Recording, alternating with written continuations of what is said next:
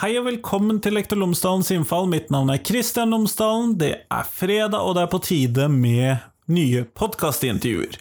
Og jeg sier podkastintervjuer fordi at nå er vi kommet til ettårsdagen for koronaskolen, og dette, det markerer jeg med en storstilt episode.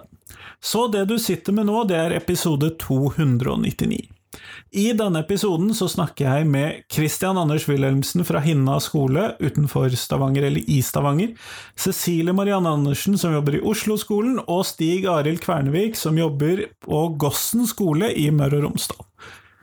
Dette er da episoden med hvordan har, eller, hvordan har koronaskoleåret vært for lærerne i grunnskolen? Så er det episode 300 og 301 som er da episodene for videregående-lærerne og for elevene og lærerstudentene. Sånn at det kommer i sine egne episoder, sånn at vi får godt dekket. Det er til sammen elleve små, korte intervjuer hvor vi snakker om hvordan har dette året vært, hva har vi lært, hva tar vi med oss videre. Det tror jeg blir veldig spennende.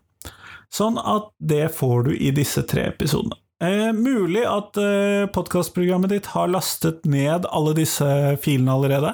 Hvis ikke så finner du episode 300 og 301 der hvor du hører på podkaster vanligvis.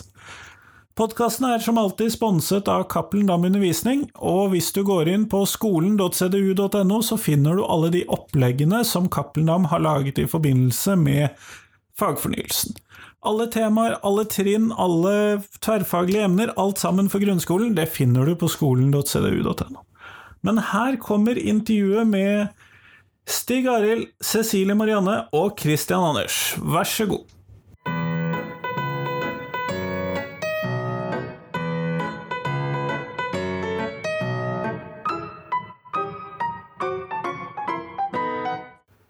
Cecilie Andersen, tusen takk for at du har tatt deg tid til meg i dag. Tusen takk for at jeg fikk komme. Nå har vi jo vært en koronaskole i eh, omtrent et år, når denne episoden publiseres på et år, så derfor har jeg ringt rundt for å prate med litt forskjellige lærere. Men først, fortell tre ting om deg selv, sånn at vi kan bli litt bedre kjent med hvem du er først. Yes. Eh, jeg har bursdag på lørdag, og det er mitt siste år i 20-årene. Eh, så det er en gledelig og sørgelig sak. Eh, jeg skal gifte meg til sommeren, og jeg jobber på en skole i Gududalen. Kjempeflott, tusen takk. En eh, barneskole, faktisk. En barneskole, Det kan være greit å vite for de som hører på. Eh, hvordan har det vært å være lærer det siste året? Det har jo ikke vært det mest normale læreråret, vil jeg tro.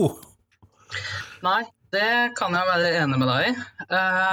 På min skole så har det vært et veldig tøft år. Fordi jeg jobber i et område som har hatt veldig mye smitte. Som har ført til at, uh, at vi har vel hatt uh, ti eller elleve uh, tilfeller av karantener. Så vi har vel hatt skolestenging to eller tre ganger utenom den perioden som var fra, fra mars til mai. Flere av gangene har det rett og slett vært fordi vi har for mange lærere er, og assistenter som er borte, til at vi kunne ha eh, hatt forsvarlig drift. Da. Så det har, en, eh, det har, vært et eh, veldig tøft år. Og nå snakker du om karantener utenom de der nå stenger alle skolene-karantener? Ja. Så det har, vært, det har vært tilfeller hvor det har vært smitte blant enten elever eller ansatte på skolen utenom den perioden fra fra mars til mai var det vel, da hele, hele, alle skolene var stengt. Det høres ut som det har vært ganske travelt for de som har vært igjen på skolen? ja, det har det. Eh, men eh, jeg er heldig at jeg har veldig gode kollegaer, så vi har vært eh, flinke til å backe hverandre, selv om det har vært veldig tøft. da. Det er jeg glad for. Men Groruddalen er jo et område som man har hørt en del om, sånn med tanke på at det er litt, en, en del trangboddhet og en del sånne utfordringer ved siden av eh, selve skolesiden av det? Mm. Og det er jo nettopp det som gjør utslag nå, ved at vi ser at uh, det smitter jo mye lettere når man bor trangt. Uh, og ja, Altså, man kan jo si at uh, urettferdigheten på en måte er smurt uh, veldig ujevnt utover byen. Da. Så jeg jobber jo i et område hvor, hvor det er mye barnefattigdom og, og mye trangboddhet. Hva tenker du at uh, skolen, både din lokale skole, men også den, hva skal vi kalle det, skolen, den store landsomfattende enheten eller fellesskapet, kan lære av det vi har vært igjennom når vi kommer tilbake inn i en mer normal situasjon? Eller ut av pandemiskolen? Åh, oh, det er et stort spørsmål. Um, jeg tenker at uh, med de erfaringene vi har med bruk av teknologi, at uh, barna får til veldig mye hvis de får prøve litt selv. Så at de får utforske og prøve og ja, også det at, at uh, vi gjennom, uh, gjennom, flere perioder har måttet være mye ute. Det tror jeg har vært veldig bra for særlig de, mindre, de yngre trinnene. da. At man ser at, uh, at, fysisk aktivitet er uhorvelig viktig for læring. Og så tenker jeg også at, uh, at man har fått et lite innblikk da, i uh, hvor mange familier det er som sliter, og at man, at man er flinke til å stille, stille de omsorgsfulle spørsmålene da, for å få vite både hvordan foreldrene har det, men også hvordan barna har det hjemme. da. Ja, det, man har vel kanskje sett mer av folks hjem nå enn det man noen gang har gjort? ja, det har vært eh, Jeg tror det er mange som har kjent at det har vært litt ubehagelig. Eh, man ser jo, altså, ser jo at det ikke er så populært å bruke, eh, bruke webkamera og sånn når det er online-skole. Så ja. Mm. Hvordan tenker du at dette har vært for For du snakket om at man har sett at elevene får til det digitale når de får lov til å teste det ut litt og få prøve seg litt på egen hånd. Hvordan, hva tenker du vi som lærere har uh, lært om teknologien sånn som vi kan ta med oss videre? Altså, den klassiske lærergreia er at ting slutter å funke når man sier at man er lærer, eller når PC-en finner ut at man er lærer. Men uh, stort sett så får man jo til ting hvis man prøver. Uh, og altså, jeg er jo på en måte en del av den yngre lærerstanden, så jeg har vel kanskje ikke hatt de største tekniske utfordringene. Uh, men jeg har blitt en uh, jævel på Teams, da. Det, det, er ikke alltid et selvforklarende system. ja.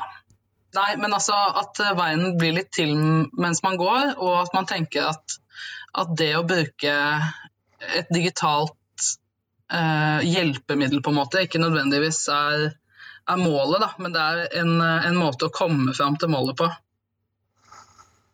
Nettopp, nettopp. Det tror jeg kanskje kan være et uh, lur ting å tenke på dette her. Uh, har du sett noe sånn uh, Har du testet ut hybridundervisning, altså at du er i klasserommet og noen elever er hjemme og noen sitter i klasserommet, eller? Ja, men måten vi har gjort det på, er da at elevene på en måte Altså, de får oppgaver eh, via Showby, så de gjør på en måte det samme som, som eh, elevene på skolen. Men eh, jeg har ikke på en måte fulgt opp begge situasjoner. Da, da har det vært en lærer som er i karantene, eller som, som ikke kan møte på skolen, som har fulgt opp de som er hjemme. Nettopp. Det kunne kanskje høres lurt ut, for det krever jo mye oppmerksomhet å skulle følge opp to klasserom samtidig, for å si det sånn. Ja, absolutt. Kjempeflott for at du ville dele dette med meg eh, nå når det er gått ett år etter at koronaskolen startet. Ja, takk for at jeg fikk komme.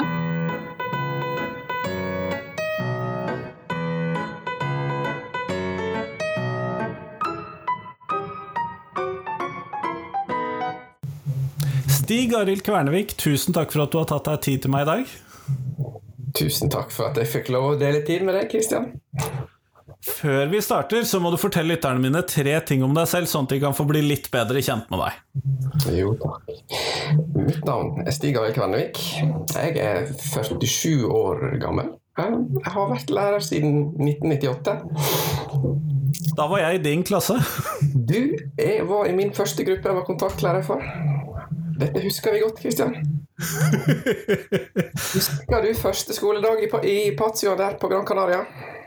Vet du, jeg hadde fire av dem, så jeg litt, blander de litt sammen. Ja. Jeg husker den gjengen du var i. Vi skulle inn i det klasserommet. og Jeg husker at eh, Da vi var oppropt og vi skulle gå til klasserommet, så da holdt dere på å rive ned døra. Alle hadde lyst inn. For en skoleiver! Nei da, det var en kjekk tid, Kristian. Eh, Jeg jobber nå for, tiden, eller for tida som rådgiver og sosiallærer på en ungdomsskole på en kommune som heter Aukra, nabokommune til Molde, på ei øy som heter Gossen. Stor, fin skole. 350 elever. Eh, og har et fint liv i rekkehus i Molde. Høres veldig bra ut. Ja, Eh, men denne episoden kommer jo ut på årsdagen for eh, innføringen av koronaskolen. Eh, og da lurer jeg på hvordan er det vært å være lærer og sosiallærer i løpet av dette året her? Det har jo ikke vært det vanligste året av disse eh, årene du har vært lærer. Nei, det har vært ganske spesielt, altså. Det som Vi gjorde jo som alle, ikke sant? selv om vi var jo på ei, på ei øy og det var jo ingen smitte, så stengte vi jo ned som alle andre og, og kjørte hjemmeskole i månedsvis. Um, får man beskjed, så får man beskjed. ja, ikke sant? så, så, vi, så, vi, gjorde jo som, som vi skulle. Uh, jeg, jo, jo, jeg, er jo egentlig norsklærer, Stig. Jo, det er jo det som har blitt greia mi. Uh, jeg, men jeg har jo jobba mye digitalt hele veien. Jeg bruker mye OneNote og alt skrivearbeid og på en måte beskjeder, og alt har gått der gjennom i årevis. Så sånn jobbmessig eh, så fikk de jo gjort sine oppgaver og sine greier. Men jeg har jo prøvd å si til folk hvordan det føltes, for det er jo som å spille fotball uten ball. Altså, jeg er jo et, jeg er jo et, jeg er jo et levende fyrverkeri. og hvordan være fyrverkeri på Teams, det går ikke. altså den tilstedeværelsen, ikke sant. Den norsken, den undringa, de samtalene rundt ting. ikke sant? Hvem trenger hjelp, hvem trenger ikke hjelp? Altså, vi mister jo dette. Det blir jo, det blir jo gitar med boksehansker. For, for, i mitt ståsted, fra mitt syn, da, på en måte. Jeg syns det, det, var vanskelig. Jeg kjente at jeg, jeg ble flat som lærer også, for at jeg, har, jeg, er, jeg er et levende vesen sammen med andre levende vesener. Eh, og så merka jeg at de som funka greit, de som gjorde sine greier, de gikk jo, de glei jo glatt. Eh, men alle de med problemer, og de som ikke fikk det til, og sånt, de ble veldig vanskelig å få tak i. Da. Så jeg tror på en måte vi har fått litt større segregering i, i, i hvordan, hva læring elever har fått. da. Eh, stort svar på et lite spørsmål. ja, og, eh, men jeg tror jo du nevner mye der, dette her med å skulle For vi måtte jo på en måte finne opp dette hjulet på nytt, hvordan drive undervisningen. Hvordan opplevde du det? Sånn, du beskrev det jo litt som boksehansker og gitarspilling, men eh, det å finne opp undervisningen på nytt? Ja. Og det, og, det, og det, er klart den, den, på en måte, den digitale undervisninga som, som, vi gjør her, det er jo igjen da, den, den profitterer for så vidt de som er interessert i å lære, og de som skjønner, og de som følger med, og de som stiller spørsmål. Men disse her er Du vet alle disse andre, Kristian? De, de, som kommer på skolen litt for det sosiale? Mm det, det, sosiale forsvinner jo. jo. Og der sitter jo jeg som, som sosiallærer også nå og føler at jeg jobber litt i, i dragsuget av det som skjedde. For mange er, har vært ensomme og føler seg ensomme og kjenner litt på den følelsen de hadde. Og, og får ikke til ting helt nå heller. ikke sant? De, de, de, frykter at det skal komme på nytt, og de føler kanskje de har mista noe i forhold til disse viktige dannelsesåra som gjerne ungdomsskolen er. da. Uh, så jeg tror på en måte det er litt sånn mørketall her som vi på en måte ikke helt catcher. Så det, det er kanskje det jeg er mest redd for i skole akkurat nå. At jeg har så mange Ja, dette her som vi oppdager om noen år, rett og slett? Ja. Og jeg er jo en sånn ånden som går på en måte i, på huset, ikke sant? så jeg hvisker jo, tisker jo og prater med folk her og der og skjønner og prøver å plukke og være litt proaktiv. da. At jeg ser at du på en måte kan, kan vi ta oss en prat. Og så, så, dukker det ofte opp ting, da. Så jeg prøver jo så godt jeg kan å catche det. Men det er klart at uh, dette mørke, dette vanskelige som gjerne er i et ungdomssinn, det vil de gjerne ikke dele med mindre det brenner skikkelig. ikke sant? Det er sånn det er litt med beskyttelsesmekanisme og kanskje Dabu. Jeg vet ikke. Ja, og det er jo kanskje lettere å oppdage når man snakker med dem, og når man ser blikkene, og når man ser hvordan de reagerer i ulike sosiale sammenhenger. Ja, den, den fingertuppjobbinga, den får ikke vi til på Teams. ikke sant? Det, det lille blikket ned, det, den, ikke sant? det sukket, den, den, altså det, det forsvinner liksom. det blir liksom lobotomerte Men det faglige forstår jeg det. Det var sånn relativt greit å få til uh, digitalt. Altså, men altså igjen, da. De som jobber, de som leser seg opp, altså de som studerer som studenter, de vil jo kunne få tak i mye. Men det er klart, det, det i, i, norsk standard ungdomsskole så er det jo en del av de som ikke er der, da. Ikke sant? Så igjen det Jeg syns jo, jeg synes jo det, altså de grunnferdighetene som er i forhold til lesing og i forhold til skriving og i forhold til demokratiske grunntanker og ikke sant? Det er alt, alt som, som, på en måte skal være for å bli et gagns menneske. Uh, alle disse bitene her de er vanskelig å få til ofte. ikke sant? Det, det, det at jeg prøver jo, jeg prøver jo fronte spesielt lesing til gutter. ikke sant? Jeg snakker med dem om bøker. Jeg plukker noen jeg vet er interessert i litt ting, og så har jeg liksom noe på lur. ikke sant? Denne, denne skreddersømmen den er ikke så lett. Nei, den er ikke det. Men vi er jo som skole, så er vi jo, hva skal vi kalle hvis vi ser på skolen som den der store, hele fellesskapet av lærere og bygninger og skoleledere og alle mulige. Hva tenker du at vi som skole i bred forstand kan ta med oss fra denne situasjonen når vi kommer oss tilbake til normalskolen, til permanent grønn tilstand, og antibac er noe vi eh, bruker når vi går fra toalettet bare, og ikke alltid når vi skal inn og ut av rom. Hva, hva skal vi ta med oss? Eh, det er klart, Nå er jo jeg farga av den jeg er og den posisjonen jeg sitter i, men jeg, jeg syns jo det at vi skal slå et slag for, for den psykiske helsa. Vi skal slå et slag for å være helhjerta mennesker eh, som, som, på en måte prater mer med og, og, og tør å ha flere relasjoner med elevene våre. De er ikke, altså Det å oppdage at de ikke er manipulerende, de er, ikke, altså de er vanskelig for en grunn. ikke sant? De, de, de er borte fra skolen. for altså det er noe som gjør noe hele tida. Og det at vi som, som sant, skoleledere investerer i kompetanse til lærere og, og kjører og tør å kjøre prosjekt som Mot og Link og alle disse her som skal hjelpe psykososialt arbeid. For jeg er redd for at, redd for at skolehelsetjeneste og psykiatri og alt kommer til å få for lite folk til å ta seg av problemer vi kommer til å ha i vakuumet av dette her. Altså. Så det er mitt store mantra, egentlig. da, at, at, psykisk helse, å få folk til å føle seg at, ivaretatt, ikke sant. Jeg, jeg, sier jo til folk eller, at slapp av, ikke sant. Jeg skal ta meg av deg. Fortell meg hva du vil ha hjelp til, så skal jeg hjelpe deg. sant? Du kan få sitte under vingen min en stund. Dette ordner vi sammen. Å ha noen voksne som er signifikante utenfor hjemmet, som, som de føler tar seg av det, høres litt stort ut, dette, Kristian, men, men, det er liksom litt mantraet mitt. Da. Jeg sier at Å være lærer er egentlig liv og død av og til. altså. Bortimot, iallfall. Så du, du, tror rett og slett at vi må gjøre en del reparasjonsarbeid da nå i årene som kommer? Ja, det tror jeg. Eh, helt klart. Eh, spesielt på at de må ut og lufte seg. ikke sant? De skal ut i verden, disse elevene våre. De skal ha troa på seg sjøl, de skal ha troa på sine fagkunnskaper, de skal ha troa på sitt selvbilde. ikke sant? Eh, og Det tror jeg på en måte har det, det, har vært i brakk. Det har vært på Teams. ikke sant? De skrur ikke på kameraet, de ligger i senga, de tenker seg ned. de på en måte, Vi har mye der, da. Nå snakker jeg litt generelt, og det gjelder selvfølgelig ikke alle. Men ofte, ofte så er det, det iallfall en tendens jeg ser, da. Mm. Eh, tenker du at det er noen av elevene som har tjent på denne hjemmeskolen? Ja. Det gjør jeg.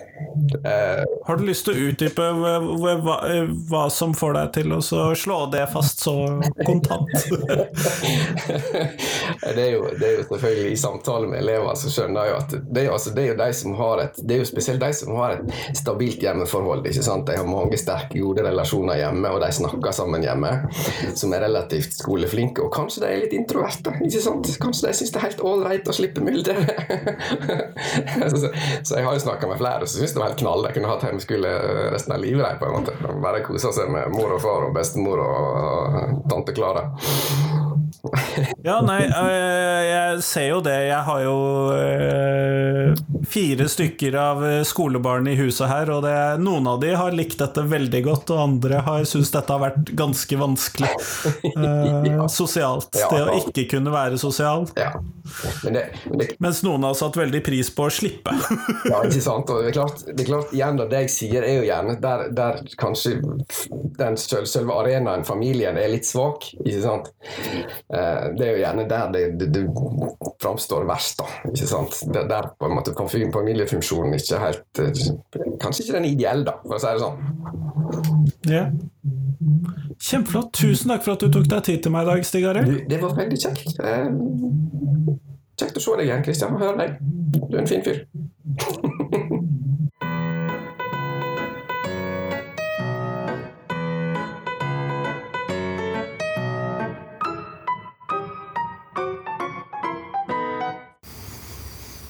Christian Wilhelmsen, tusen takk for at du tok deg tid til meg i dag. Jo, bare hyggelig. Før vi starter eh, resten av samtalen, så hadde jeg håpet at du kunne fortelle lytterne mine tre ting om deg, sånn at de kunne bli litt bedre kjent med deg. Ja, jeg er 33 år. Jeg er opprinnelig fra Egersund, men nå er jeg bosatt i, eh, i Stavanger. Eh, bodde ti år i Bergen før det, studert der, eh, jobba der. Eh, og jeg underviser ved Hinna skole, Hinna ungdomsskole eh, i eh, Stavanger i Rogaland. Her underviser jeg i engelsk, KRLE, samfunnsfag, musikk og innsats for andre. Blir blanda når man er på barneskolen eller grunnskolen. Hæ? Det blir blandede fag når man er på Jo, ja, grunnskolen. ja, ja, det blir veldig blanda. Jeg er jo egentlig ganske ganske spissa kompetanse. Det er jo engelsk og historie som er mine fag på universitetet. Men eh, på ungdomsskolen så blir man satt eh, til litt av hvert. Men det er jo, eh, det er jo kjekt. Hvordan er det vært å vært lærer det siste året? For det er jo det vi skal snakke om i dag. Eh, ja, ja, hvordan har det vært? Um, det har jo vært eh, utfordrende, det har vært spennende, eh, interessant. Uh, og ikke minst uh, lærerikt, uh, vil, vil jeg si. Um, altså, jeg satt jo på buss på vei ned i Forserdalen, hvor jeg hadde vært med en klasse på, på leirskole. eh, 12. mars i fjor. Og det var jo en brå overgang fra partymusikk i baksetet til Erna Solberg på, eh, på radioen med, med tale om at eh, Norge skulle stenges ned. Eh, så jeg tror vi, både vi eh, voksne og lærere som var på, var på bussen, og, og elevene eh, ble, altså, Vi voksne ble jo ikke tatt så veldig på sengen, sånn sett, men jeg tror elevene eh, visste ikke helt hvordan de skulle reagere. Så jeg tror den uh, umiddelbare reaksjonen var jo uh, Yes, det er skolen skal stenges, og vi får fri. Uh, så det var jo egentlig Det var faktisk jubel bak i bussen. Jeg har hørt 14-åringer si sånt på stengte skoler før, ja. Ja, eh, men det er klart, eh, et par uker inn i, eh, i eh, nedstengingen så var det ikke så kjekt allikevel. For da eh, får du jo litt sånn realiteten innover deg. Eh, både, med, både med voksne og ikke minst eh, elevene. Eh, så så jeg, jeg vil jo si i hvert fall starten da på, på korona på nedstenging var kanskje det som var mest utfordrende. Og kanskje den, eh, det var det jeg kjente mest på, for jeg var jo jeg har en kone som er, som er sykepleier, jobber skift, eh, og hun hadde tidligvakter hele den eh, første uka. Og da når du skal være hjemme med en, med en treåring, og skal sørge for at hun får et godt tilbud, samtidig som du skal ivareta undervisningen til 25 pluss elever, det var jeg litt sånn Travelt? liksom ja, det var travelt, og så var det liksom vanskelig å, å, å angripe. For du, altså jeg, jeg er jo godt kjent med digitale verktøy, så det var jo ikke det som var bøygen der, men det var jo lett eh, å få tiden til å strekke til. Um, uh, fordi ting blir jo snudd litt eh, Ting blir jo snudd litt på hodet, og du blir jo strekt mellom farsrollen og, og lærerrollen på en, på en veldig annen måte enn det man kanskje gjør i, i hverdagen. da. Eh, så, så det var kanskje det jeg kjente på. Det, var, altså, det å følge opp elevene faglig. Eh, det er jo én ting. sant? Du, du, du kan enten drive undervisning i plenum, noe som jeg eh, syns var litt vanskelig å få til, i hvert fall de første ukene når, når kona mi var i, i full jobb. Eh, men det er jo det å følge de opp sosialt. Så du hadde jo hele tiden litt sånn en slags sånn styggen på ryggen, eh, sam, dårlig samvittighet-følelse eh, hele veien da, for de elevene som du kanskje ikke får fulgt eh, nok opp. Um, uh, og, det, og, så er det jo det der at du får jo ikke helt I hverdagen så får du jo møte blikket til elevene, du får se elevene. Um, du ser hvis de har en dårlig dag, og du har anledning til å spørre om hvorfor. Uh, men, men uh, når du driver med digital undervisning, så er ikke det alltid så lett å, lett å følge opp. Um, så det, så det syns jeg var synes jeg var ut, kanskje det som var mest utfordrende. Det å på en måte ikke helt føle at du gjør en, gjør en god nok jobb, verken på skolen eller, eller hjemme. Um, så ja. Uh, men det som har vært positivt, da, er jo det at vi ble jo tvunget til å tenke nytt. Eh, både i forhold til undervisning, i forhold til planlegging, i forhold til eh, vurdering, eh, ikke minst. Og der føler jeg at jeg har lært, eh, har lært mye. Altså det er jo hva som fungerer, hva som ikke fungerer. Eh, og det er klart, når du jobber med jobber med ungdommer på eh, ja, altså nå, I fjor så hadde jeg åttende trinn for det meste, da, så 13, 13, år. Så det er klart at uh, det er ikke bare bare å gi en, eh, en 13-åring en oppgave og si ja, denne skal du gjøre i løpet av uken, eller denne skal du jobbe med alene.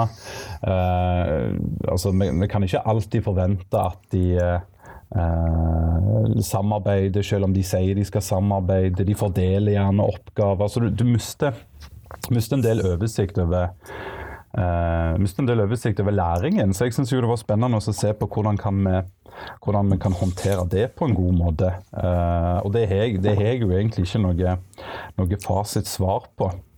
Eller fasitsvar på. Uh, ja.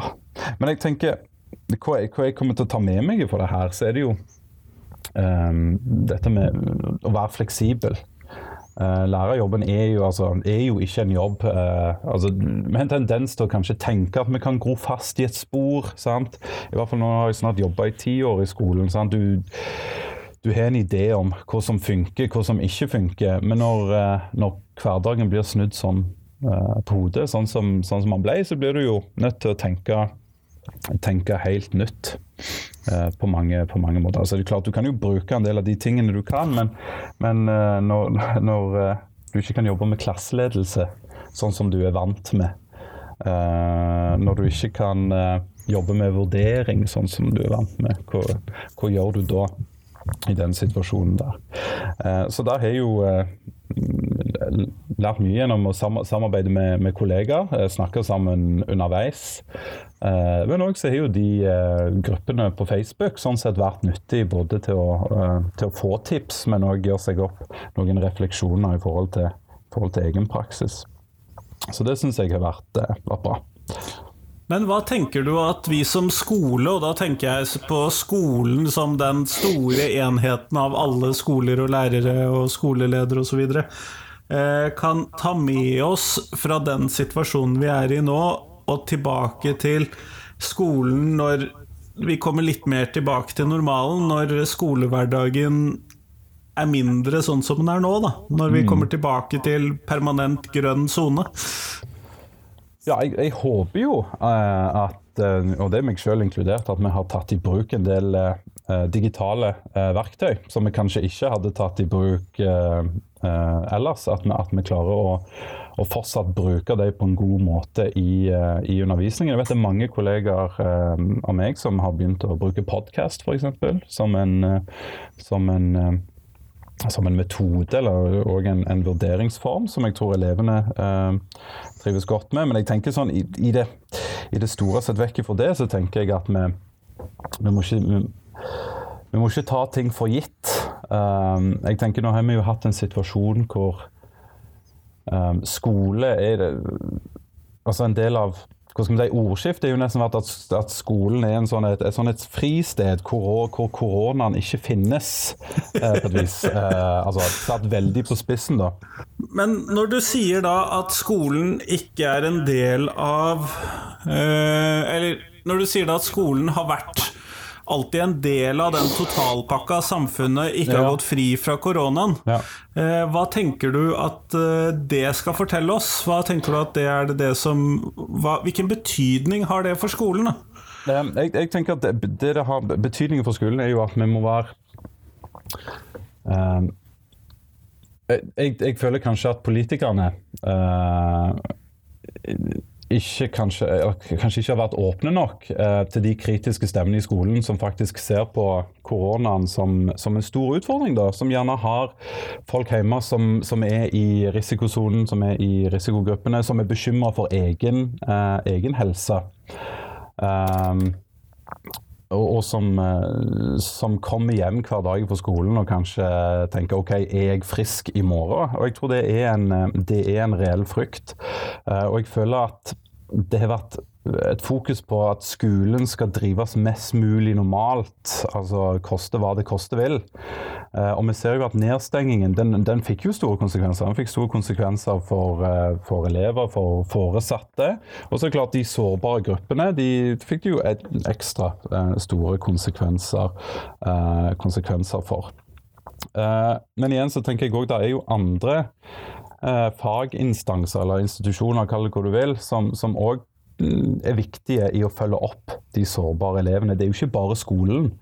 Eh, for det er klart, jeg er ikke psykolog, eh, jeg er ikke sosialarbeider, jeg er ikke sosionom. Men, men du, som lærer så følger du opp eh, elevene etter beste evne, og bruker den kompetansen du har. Så, så, jeg tenker at det er, jo, det er, jo, en erfaring vi må ta med oss. For jeg tenker, Hvordan, hvordan kan vi ivareta de elevene selv om skolen er stengt? Eh, for jeg tror det var en av de tingene som kanskje Uh, kanskje ikke folk forutså på forhånd når skolen ble stengt, men som fikk uh, veldig stort fokus etter hvert. Så jeg håper jo at det vil være et system på plass, eller et apparat eller et sikkerhetsnett som klarer å ivareta spesielt den elevgruppa, selv om skolen er stengt. Men eh, med tanke på dette her med hva skal vi kalle det, skolen som en del av samfunnet og sånn, kan det være at du følte ekstra på dette siden din kone jobber i helsevesenet? Ja, det vil jeg, det vil jeg si. Uh, det, det, er klart Vi var jo ikke begge hjemme hadde, og hadde hjemmekontor. Og det er klart at uh, hun var bekymra, jeg var, jeg var bekymra. Uh, hun var gravid på det tidspunktet sant? Og, og, var på jobb. Så klart at det førte jo med seg litt ekstra tanker eh, rundt, eh, rundt, akkurat, eh, rundt akkurat det. Men, men, jeg føler jo òg samtidig at vi fikk løfta fram de yrkesgruppene der. Altså både, både, både, lærere og ikke minst de som jobber innen helse. Hvor, hvor viktig de er for samfunnet for at, for at hjulene skal gå rundt. Da. Jeg, jeg må jo si det at jeg misunte ikke de som hadde utejobber, hvis vi skal kalle det det. Nei. Og jeg misunte ikke de som hadde små barn hjemme. Nei. For sånn som her hos meg, så var begge to lærere, og mm. stort nok hus at alle hadde hvert sitt hjemmekontor. Mm, ja. Nei, og det, og det, er jo uh, Og der, der, må jeg jo bare si der føler jeg jeg var ganske, ganske heldig, for vi har en ledelse her på, på skolen som var, viste veldig mye forståelse. da i hvert fall uh, opplevde jeg det. Uh, for at jeg hadde At jeg var alene hjemme uh, med, med, datteren min. da, At jeg, jeg, følte jo ikke det store presset for at jeg måtte samle klassen da og da. Måtte ha faste timer med undervisning. Og at, og, og, at de var åpne for en høy grad av fleksibilitet. Så det satte jeg veldig stor pris på. For, for, for å si det sånn, uten det så hadde det jo ikke gått. sant? Men, men, jeg tenker jo, men jeg tenker jo at uh, Jeg kjente jo litt på Det må jeg jo bare innrømme at jeg syns jo det var ganske urettferdig. Uh, for jeg hadde jo det samme antall elever, uh, samme antall fag, men jeg hadde jo en, en altså, Det blir jo feil å kalle det en, en, krevende hjemmesituasjon, men det var en hjemmesituasjon som i hvert fall gjorde det å jobbe litt mer utfordrende enn det det var. men samtidig så har du andre kollegaer som får alt til, men de har jo ikke De har enten voksne barn eller ikke barn i det hele tatt.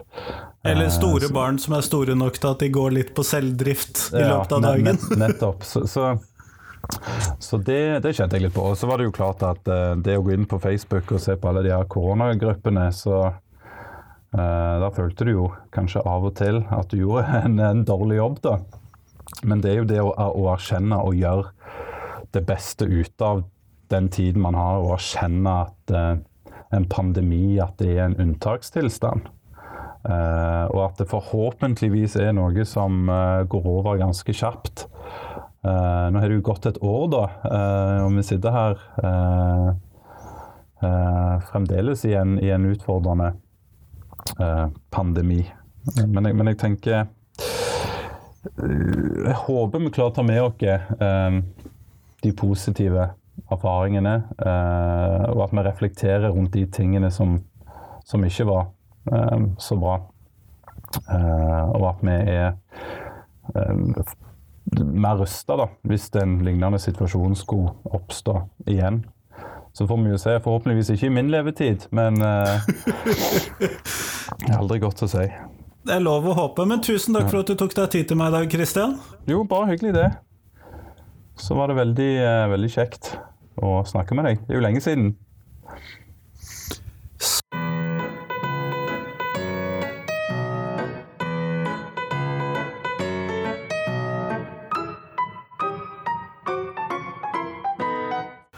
Tusen takk til Christian Anders, Stig Arild og Cecilie Marianne, og selvfølgelig til deg som hører på også.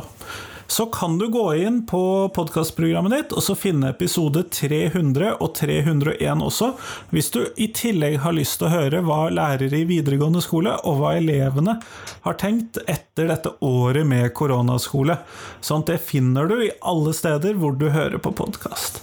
Eller så blir jeg utrolig glad hvis du deler podkasten min med noen. Er det noen du kjenner som kan være interessert i en av de mange temaene som jeg har tatt opp på podkasten?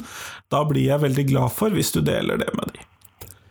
Men i hvert fall, eh, vel, gå rett videre til episode 300 og 301, så får du høre mer om eh, hvordan koronaskoleåret har vært. Ellers, det kommer en vanlig episode på tirsdag.